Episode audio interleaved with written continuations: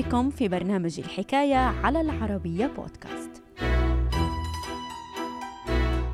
في الخامس عشر من يونيو عام 1667 شهد العالم أول عملية نقل دم ناجحة لإنسان حيث أقدم الطبيب الفرنسي جان باتيست دانيس على نقل كمية ضئيلة نحو 12 أونصة من دم خروف لشاب مريض. تفاصيل الحكاية في مقال للكاتب طه عبد الناصر رمضان بعنوان دم الخروف استخدم في أول عملية نقل دم إلى إنسان.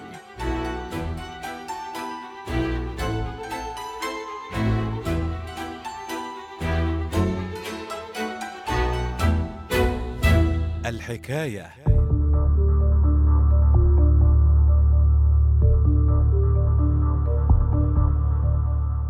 منذ القديم أوكلت العديد من الحضارات مهامة هامة للدم وخاصة في مجال القرابين التي كانت تقدم للآلهة. في غضون ذلك لم تكن فكرة نقل الدم لإنسان مريض بهدف علاجه وإنقاذه جديدة على البشرية حيث وجدت عملية نقل الدم أصولها في العديد من الأساطير القديمة ولعل أبرزها الملحمة الشعرية الإغريقية الأوديسا. التي وضعها الشاعر هوميروس في حدود القرن الثامن قبل الميلاد والتي أقدم خلالها أوديسيوس الملك الأسطوري لإيثاكا على مخاطبة الموتى والظلال في العالم السفلي عن طريق منحها دماء القرابين الحيوانية.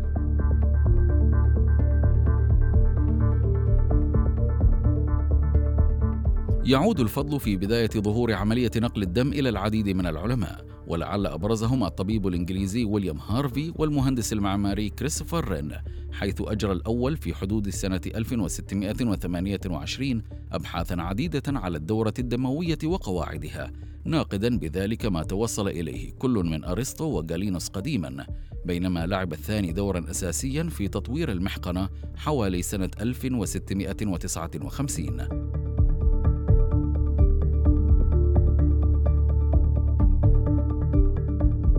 على إثر هذه النجاحات العلمية باشر العديد من الأطباء الإنجليز والفرنسيين إجراء تجارب نقل دم بين الحيوانات. ومع حلول سنة 1665 نجح الطبيب الإنجليزي ريتشارد لوار في إجراء أول عملية نقل دم ناجحة بين الحيوانات حيث تمكن الأخير من إبقاء كلب على قيد الحياة بعد أن نقل إليه دم كلب آخر. وفي يوم الخامس عشر من شهر يونيو حزيران سنة 1667 شهد العالم أول عملية نقل دم ناجحة لإنسان. فخلال ذلك اليوم أقدم الطبيب الفرنسي جان باتيس دينيس على نقل كمية ضئيلة تقدر باثنتي عشرة أونصة من دم حمل أو خروف لشاب مريض شاحب الوجه. وقد وقع الاختيار حينها على الحمل بسبب طابعه المسالم ومظهره البريء.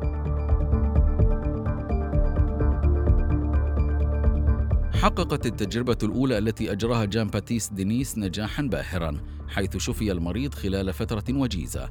ولهذا السبب لم يتردد الطبيب الفرنسي في إعادة الكرة مرات أخرى. وخلال المحاولة الثانية كللت عملية نقل الدم بنجاح إلا أن التجربة الثالثة لاقت فشلا ذريعا حيث توفي المريض الثالث بعد فترة وجيزة. فضلا عن ذلك كانت نتائج التجربة الرابعة كارثية. حيث فارق المريض الرابع الحياة أثناء عملية نقل الدم.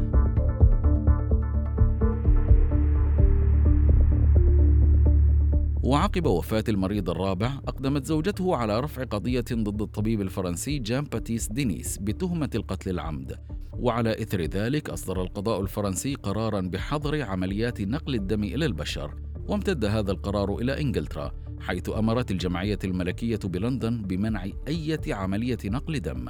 وبسبب هذا القرار تعطلت تجارب عمليات نقل الدم بضعة قرون قبل أن تعود مجددا خلال النصف الثاني من القرن التاسع عشر.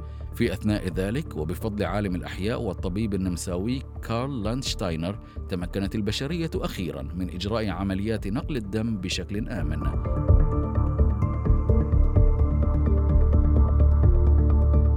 ويعزى السبب في ذلك إلى الأبحاث الناجحة التي أجراها الأخير ما بين سنتي 1900 و 1901 والتي أفضت إلى اكتشاف الفصائل الدموية وأكدت أن خلط فصيلين غير متوافقين من الدم يسبب استجابة مناعية قاتلة.